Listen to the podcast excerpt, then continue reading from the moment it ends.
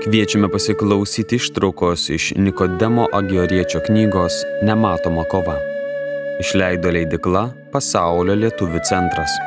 Skaito Eglė Šiliūninė.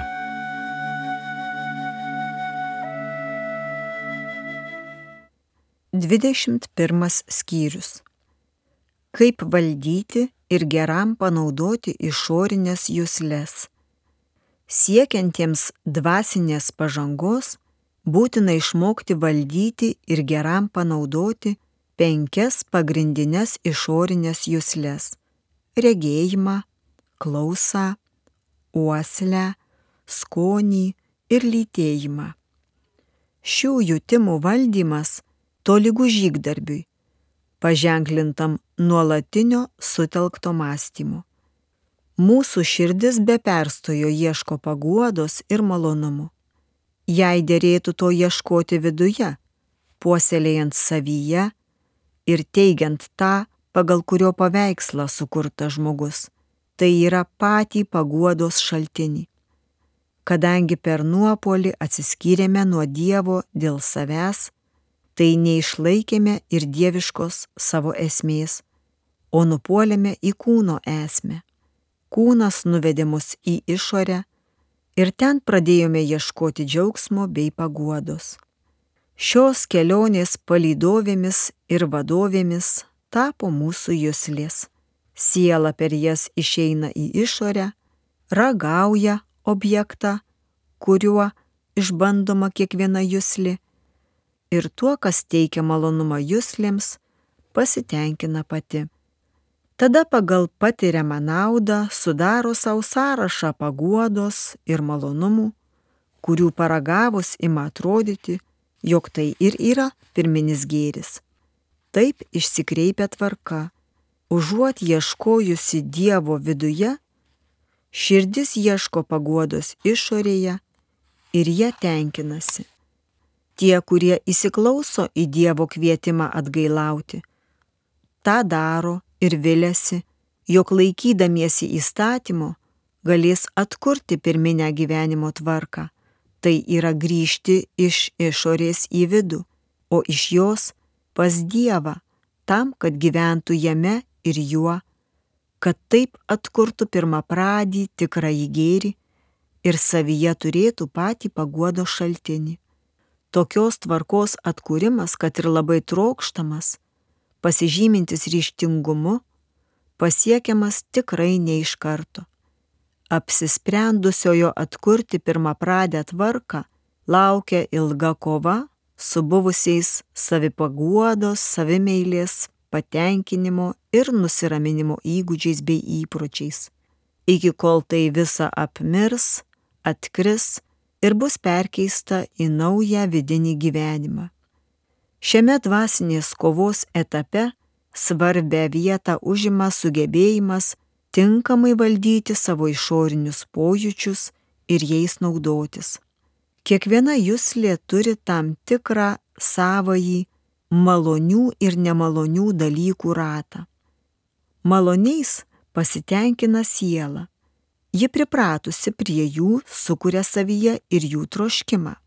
Dėl to kiekviena jūslė įdėgia į sielą keletą tokių troškimų, palinkimų ir prisirišimų. Jie būna sieloje pasislėpę ir tyli, kol nėra sužadinami.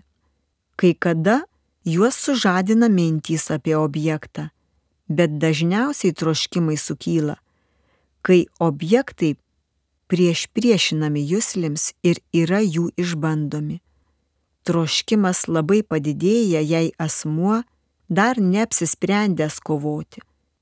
Paskui įsiliepsnojęs geismas pagimdo nuodėmę, o subrandinta nuodėmė gimdo mirtį. Jokūbo pirmasis laiškas. Tada išsipildo pranašo žodžiai. Mirtis įlipo pro mūsų langus. Jeremijo 9 skyrius. Ir tai įvyksta per jūsles, sielos langą. Jei asmuo apsisprendžia kovoti, ta kova pavojinga, nes dažnai nupuolama. Todėl jūslių valdymas turi tapti neatšaukiamų įstatymų, įdant per jas nebūtų sužadinami jūsliniai geismai, troškimai, o atvirkščiai rastusi tokie įspūdžiai, kurie slopintų juos ir skatintų bei keltų priešingus jausmus. Matai, broli, į kokį pavojų tave gali atvesti jūslės. Įsidėmėk tai ir išmok tą pavojų aplenkti. Visomis jėgomis reikia neleisti jūslėms blaškytis tai šiandien, tai ten, ar leisti joms siekti vien jūslinio pasitenkinimo. Priešingai, jas suvaldęs pasiūlyk jūslėms tai, kas gera, naudinga, reikalinga. Ir jei iki šio momento kai kada prasiverždavo savęs patenkinimo jausmai, tai nuo dabar pasiryšk juos pažaboti ir nukreipk nuo pagundų. Mielasis, vadovauk jūslėms taip, jog ten, kur anksčiau jos būdavo tuščių ir kenksmingų sielai malonumų tarnaitės, dabargi iš kiekvieno kūrinio ar sutvėrimo tegul perima sielai naudingų įspūdžių ir juos pasėja joje pačioje. Tokie įspūdžiai sieloje pažadinę kilnes mintis padės jai susitelkti ir samoningai kontempliuoti bei garbinti Dievą. Šventasis Augustinas sako, kiek yra pasaulyje kūrinių, visi jie bendrauja su pamaldžiai žmonėmis be žodžių, bet nepaisant to, puikiausiai girdi ir supranta vieni kitus. Taip jie priima malonės pažadintas mintis ir užsidega meilę Dievui. Ir tu gali tai daryti tokiu būdu, kai tavo išorinės jūslės susiduria su kuriuo nors jūsliniu objektu, regimu, girdimu, uodžiamu, liečiamu, ragaujamu. Mintyse atskirk, kas jame yra jūslinio ir medžiaginio, nuo to, kas jame yra iš kuriančios šventosios dvasios. Pagalvok, kad neįmanoma, jog tasai objektas pats iš savęs galėtų egzistuoti nes visa, kas jame yra, yra iš Dievo. Juk tai jis savo nematomą galę suteikia šiam dalykui ir buvimą, ir vertingumą, grožį ir protingą būti, suteikia galę veikti kitus, savo ruoštų tvirtybę priimti kitų poveikį ir visa, kas yra jame gera.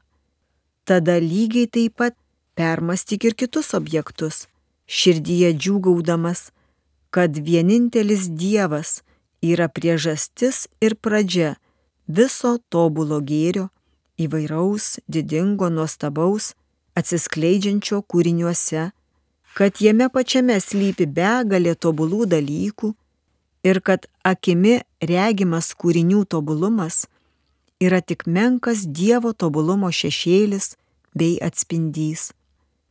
Taip treniruok savo protą, regėdamas kūrinius ir vėliau, kai žvelgsi į juos, priprasi nesustoti prie jų išorės, o stengsiesi prasiskverbti į vidų, prie to, kas juose yra dieviška, prie nematomo, švento, bet protu suvokiamo jų grožio. Ilgainiui visa, kas daiktuose mus žavi išoriškai, nepalies mūsų jūslių bei dėmesio, ir protas gilinsis tik į vidinį objekto turinį, skatindamas kontempliuoti jo vidų ir šlovinti Dievą. Taip, žiūrėdamas į keturias stichijas - ugnį, orą, vandenį ir žemę, ir mąstydamas apie jų esmę, didybę bei veikimą, galėsi su didžiausia dvasinė atgaiva ištarti jų kuriejui. Didysis Dieve, beribę jėgą, pirminis veikime. Džiaugiuosi ir linksminuosi, kad vienintelis esi kiekvieno kūrinio jėgos ir veikimo prie pradžia ir priežastis. Pasižiūrėjęs į dangų ir dangaus šviesulius, mąstydamas, kad šviesą jie gavo iš Dievo, sušuksi, o šviesa už visokias šviesas šviesesnė iš kurios sukurta medžiaginė ir nemedžiaginė šviesa. O nuostabioji šviesa, pirmoji pradžiuginusi angelus ir apsvaiginusi palaimintuosius, kreipianti į save cherubinų akis ir skatinanti su nuostaba panirti į kontempliaciją, šviesą, kurią palyginus su visomis jutiminėmis šviesomis šios atrodo lyg gili tamsa. Šlovinu ir aukštinu tave tikroji šviesa, apšviečianti kiekvieną žmogų, ateinantį į šį pasaulį. Įgalink mane visada matyti tave. Te prisipildo džiaugsmo mano širdis.